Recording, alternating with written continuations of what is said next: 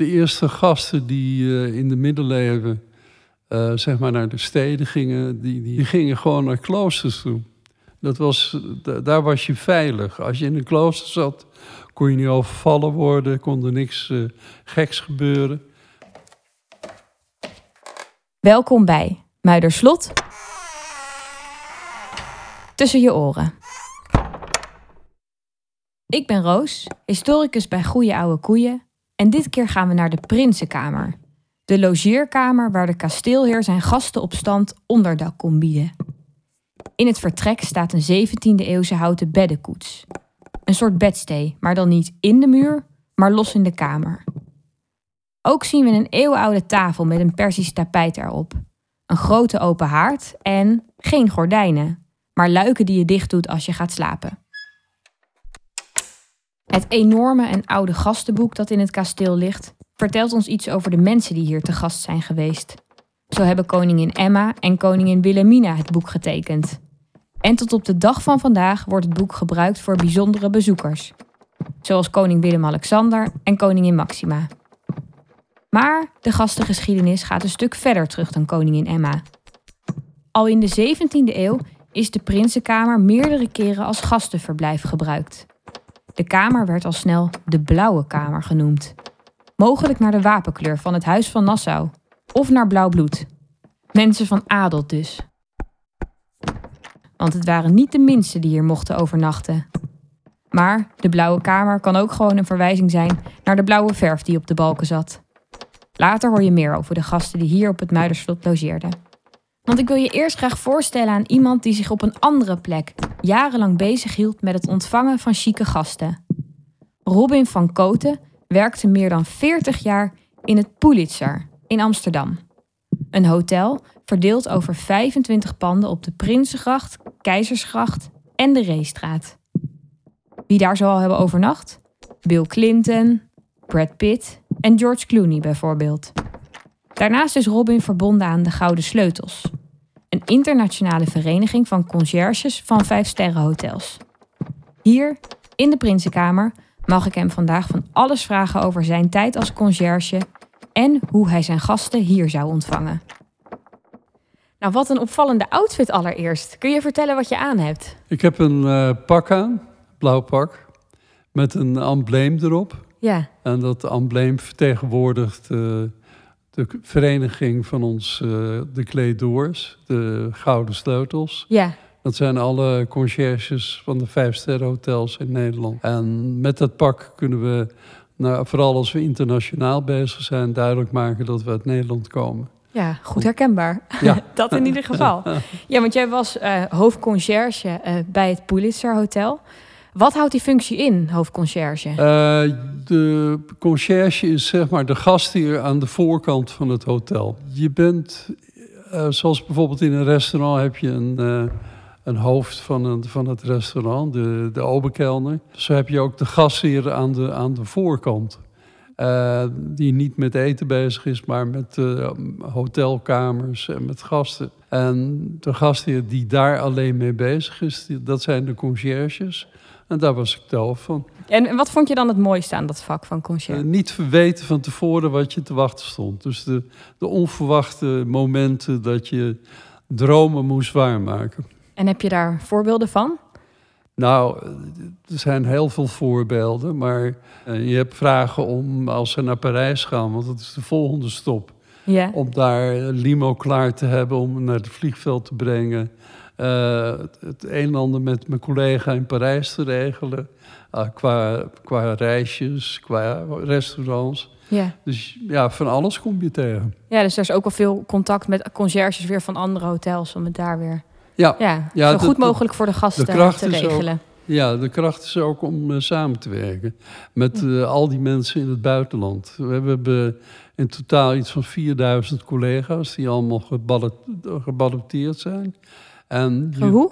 Geballoteerd zijn. Ja, wat is dat? Uh, nou, gekeurd zijn, zeg maar. Ja. Of ze het wel kunnen, of, het vak, of ze vakbekwaam zijn. Uh, of ze stressbestendig zijn. ja. En, uh, maar is dat echt een soort examen? Ja, ja het wordt afgenomen door collega's die dus echt wel weten wat ze vragen. Mm -hmm. En dan blijkt daaruit of, dat wel of, niet, eh, of ze wel of niet geschikt zijn. Ja. Hey, we zitten hier natuurlijk niet in een echt hotel, maar dit, de Prinsenkamer, was wel een plek waar gasten vroeger eh, konden overnachten. Ehm, hoe zijn gastenverblijven door de eeuwen heen veranderd? Heb je daar een idee van? Ja, heel erg. Ehm, de eerste gasten die eh, in de middeleeuwen eh, zeg maar naar de steden gingen, die, die handelden of die gingen gewoon naar kloosters toe. Dat was, daar was je veilig. Als je in een klooster zat, kon je niet overvallen worden, kon er niks uh, geks gebeuren. Daarna zijn de herbergen gekomen. Dat, dat waren de hotels. En als we in Amsterdam kijken, dan zie je ook dat we een, een herberg toen de tijd van de uh, gemeente Amsterdam hadden. Die heet het Prinshof. Dat is later de admiraliteit geworden. Ja. En later de stadhuis van Amsterdam. Oké. En het was een onderdeel van een klooster. En Ja. daar werd dezelfde mensen ontvangen die hier ontvangen werden. Prins Maurits, prins Hendrik. Oh. En- Dus eigenlijk waren, waren kloosters de eerste hotels. Ja, ja. En dan heb je toch op een gegeven moment ook wel dat er dan bij meer café-achtige of kroegdingen... Ja, dat mensen ja. daar blijven slapen. ja, want dat waren die privé-herbergen. En die deden meestal dingen samen. Mhm. Dus het was een kroeg. Ja. En het was tevens ook een, mogelijkheid om te slapen daar. Het ene moment was het een, eh, een plek waar ook publieke vrouwen waren. Het andere moment was het een, eh, een gokpaleis. eh, dus je kon zelf uitkiezen wat, waar je naartoe ging. ja, wat bij je paste. En, en wat is dan het verschil tussen een herberg en een hotel? Ehm, nou, hotels zijn later gekomen. die, die zijn gekomen in de tijd dat de trein begon te rijden. En eh, toen begonnen ook de, vanuit Engeland de, de gasten te komen die heel veel geld hadden. Want door die treinen kon het toerisme meer op gang Ja. komen. En eh, die reisden meestal met eh, gigantische bagage. En die hadden ook hele andere behoeftes. De Ja. kamers moesten groter zijn, badkamers, alle voorzieningen moesten er zijn. Dus het werd een heel ander verhaal. En de hotels richtten zich meer op die gasten. En bij de herbergen was het een combinatie van, eh, van, van feiten. Ja, want, want hoe werkte dat dan? Bijvoorbeeld in Amsterdam kwamen ze vanuit Engeland uiteindelijk dan met de trein daar aan. Ja. En dan? Hoe, Ja, dat, Dat, was, dat was heel leuk. Ik heb nog een collega gehad eh, in Brussel. Ja? Die werkte bij Hotel Amigo. En die hield als piccolootje, want je begon bij piccolo, bagagist, conciërge. Ja? En zie, dat was- toen was hij een jaar of 16, dat is heel lang geleden. Mhm. En die eh, ging dan met de koets, met de paardenkoets, naar het station toe. Om die bagage op te halen. Ah, En de gasten. ja. En die bagage die was zo loodzwaar, dat waren net kasten. waar je kleren in kon stoppen. ja. En bleven ze dan eigenlijk vaak toen nog voor langere tijd in een hotel? Ja, of? meestal een week of, of twee weken. Dat, eh, ze Ja. maakten meestal een grand tour in eh, Europa. Oké. Dus ze gingen naar eh, wat, wat nu nog steeds zo is. Mhm. Dat was Parijs, Rome eh, en ook Amsterdam. Al die steden gingen Ja. ze af. Ja. En hoe was het, denk je, om hier zo in de, de Prinsenkamer te verblijven in de 17e eeuw? Nou, dit, dit was eh, zoals het hier is ingericht. was vrij, eh, vrij luxueus voor die tijd. Wat maakt het luxe? Eh, het, het, het, eh, het, het is niet rommelig. Eh, je hebt eh, een tafel erbij, banken, een open haard.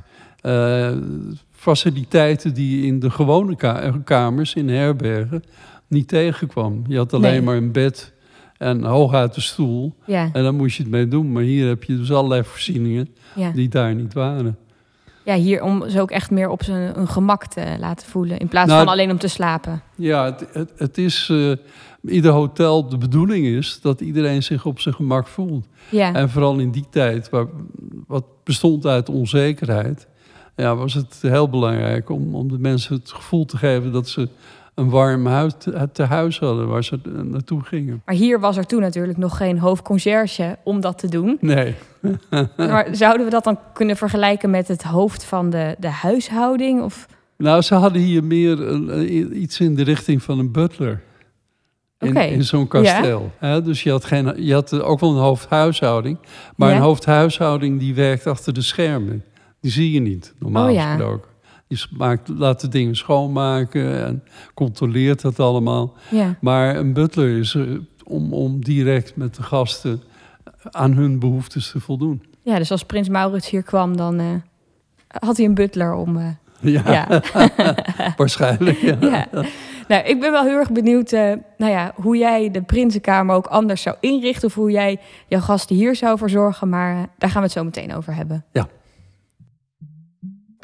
Koningin Emma, koningin Wilhelmina, Willem-Alexander en Maxima kwamen al even voorbij. Maar het Muiderslot is een plek die al veel langer verbonden is met het koningshuis. In 1619 heeft prins Maurits hier gelogeerd. Hij is de zoon van Willem van Oranje, ook wel bekend als de vader des vaderlands. Hier in de Prinsenkamer hangt de schilderij waarop Maurits te paard staat afgebeeld.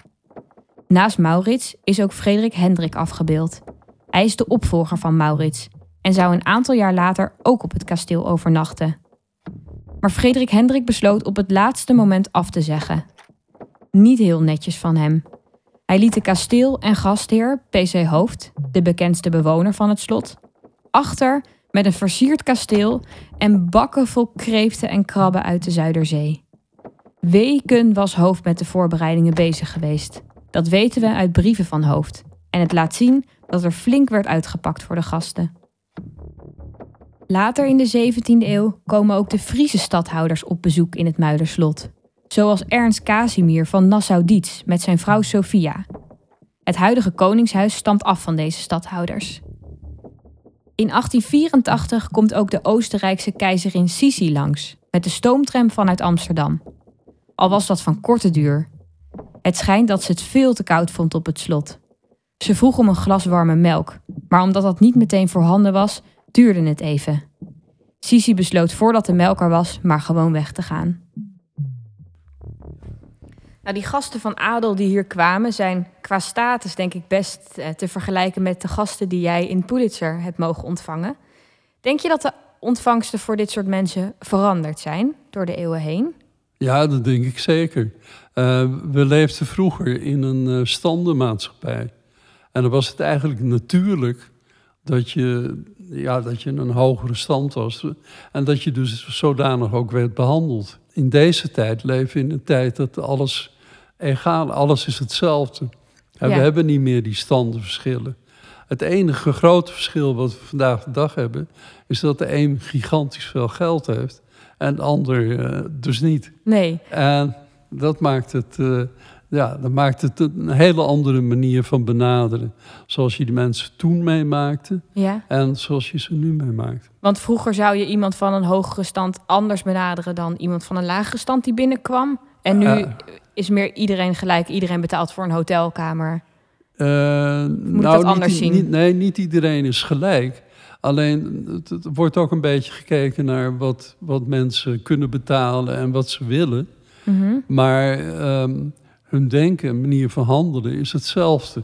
De mensen van vroeger met standen, die hadden automatisch een hogere, een hoger pijl, zeg maar. Hoefden ze niet over na te denken, dat was gewoon zo. Zo het was, en nu is het eh, dat ze vanwege het geld meer kunnen en meer mogen. Dus ze krijgen uiteindelijk hetzelfde. Ja, ja in wezen wel. Maar Ja. het, is, het is moeilijker in te schatten. Ja, want dat inschatten van mensen, dat is wel dat is een belangrijk onderdeel als conciërge volgens Ja. mij. Ja, je moet eh, mensen, zoals wij dat noemen, moet je lezen. Ja, En het is eigenlijk bij ons een soort automatisme. want hoe doe je dat dan?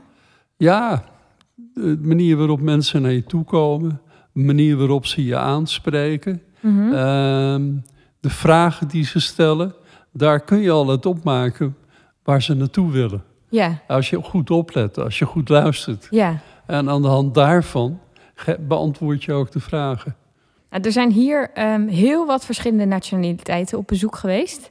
Ik denk dat die culturele verschillen ook soms wel voor ja, grappige of opmerkelijke situaties kunnen zorgen.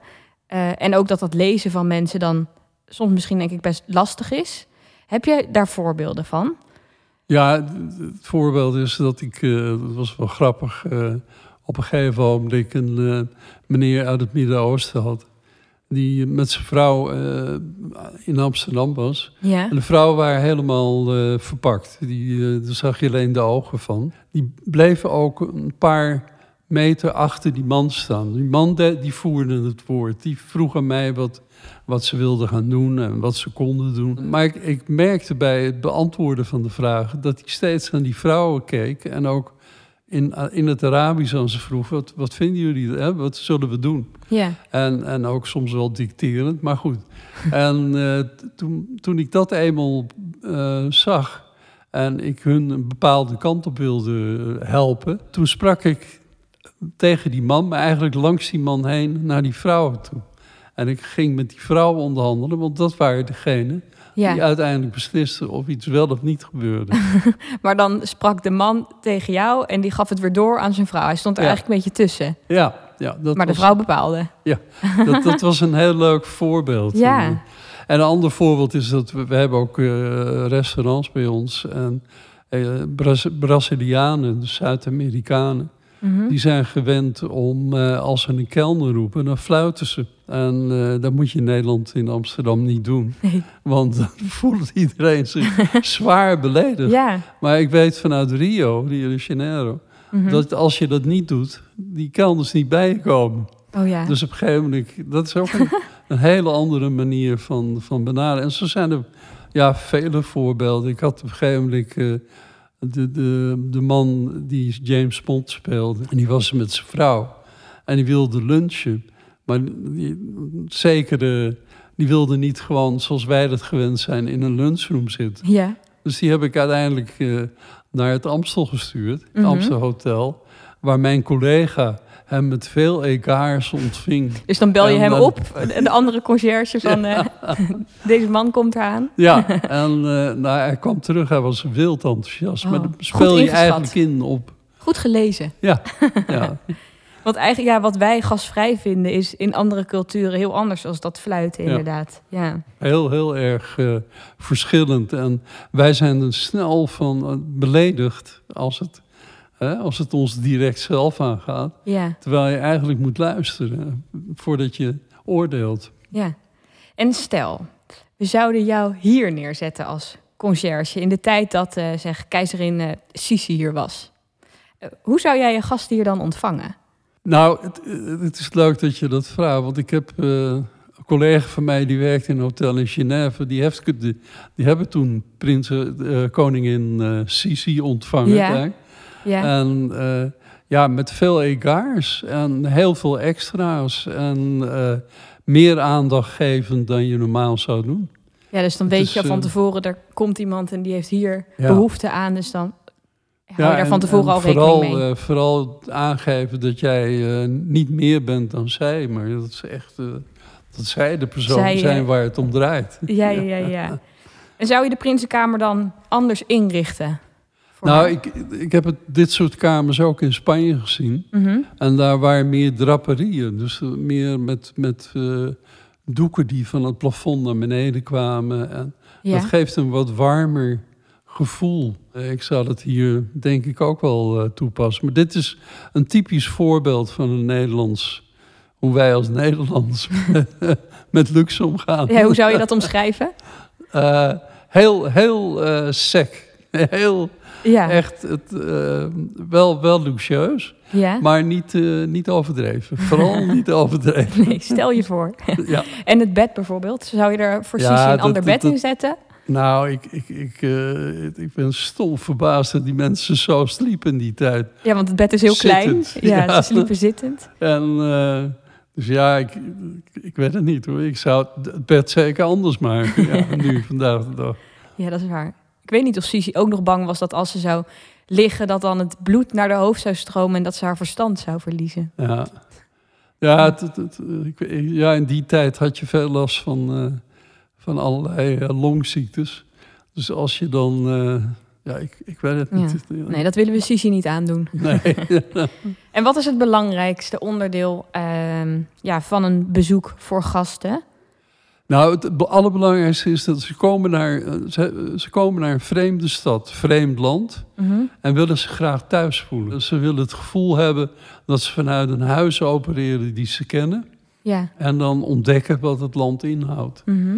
En dat betekent dat als je bijvoorbeeld een hotel hebt, en dat zou hier eigenlijk ook moeten zijn, dat die mensen zeggen van nou, weet je, op momenten dat ik even niks te doen heb, of een- dan ben ik thuis. Ja. Die warmte moet er zijn. Ja. En die moet zowel bij het, het meubilair Ja. als bij het personeel zijn. Ja. Zodat ze echt het gevoel hebben, oh, dat was fantastisch daar in Amsterdam. En zit dat denk je meer in dat meubilair of het personeel? Wat is Een belangrijker? combinatie, het is een combinatie. Ja, het kan eigenlijk niet zonder elkaar. Eigenlijk, uh, het, het, het meubilair is super belangrijk, maar het allerbelangrijkste zijn de mensen.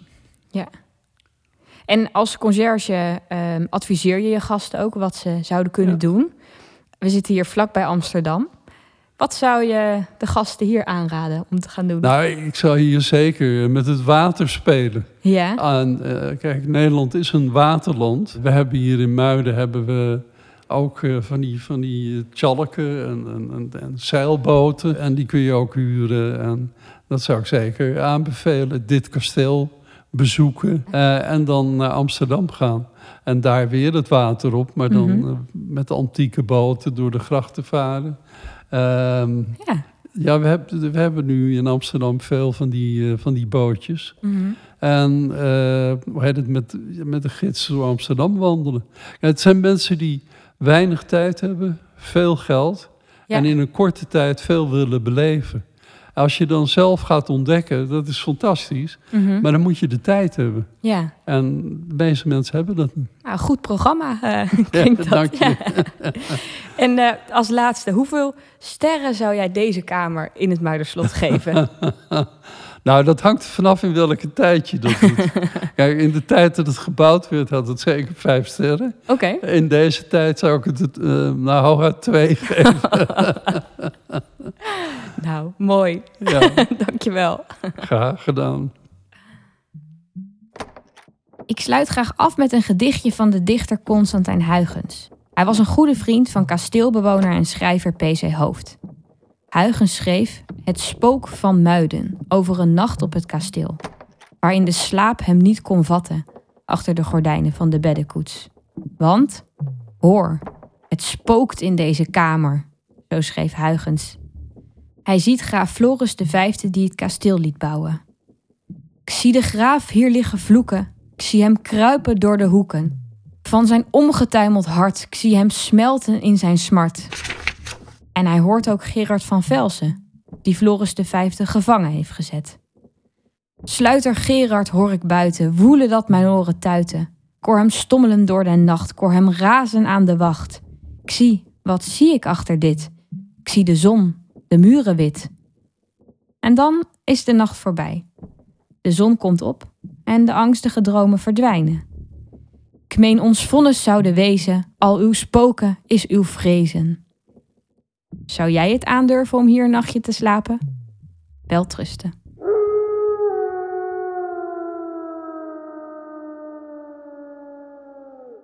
Dit was Muiderslot tussen je oren, een podcast van Rijksmuseum Muiderslot. Geproduceerd door Goeie Oude Koeien en mede mogelijk gemaakt door Stichting De Commissie. De soundscapes zijn gemaakt door Thomas Hoonhout. Hij verzorgde ook de montage. Alle geluiden die je hoorde zijn in en om het kasteel opgenomen. Je luisterde naar een aflevering uit de reeks Kasteel en Collectie. We maken ook een reeks over podium, een reeks over water en een over de kasteeltuinen. Alle afleveringen zijn vanaf najaar 2021 te beluisteren via je favoriete podcast-app. Wil je meer weten over het kasteel of de collectie? Ga dan naar muiderslot.nl. Daar vind je ook de agenda vol wisselende activiteiten die het Muiderslot organiseert. Leuk dat je luisterde en tot de volgende!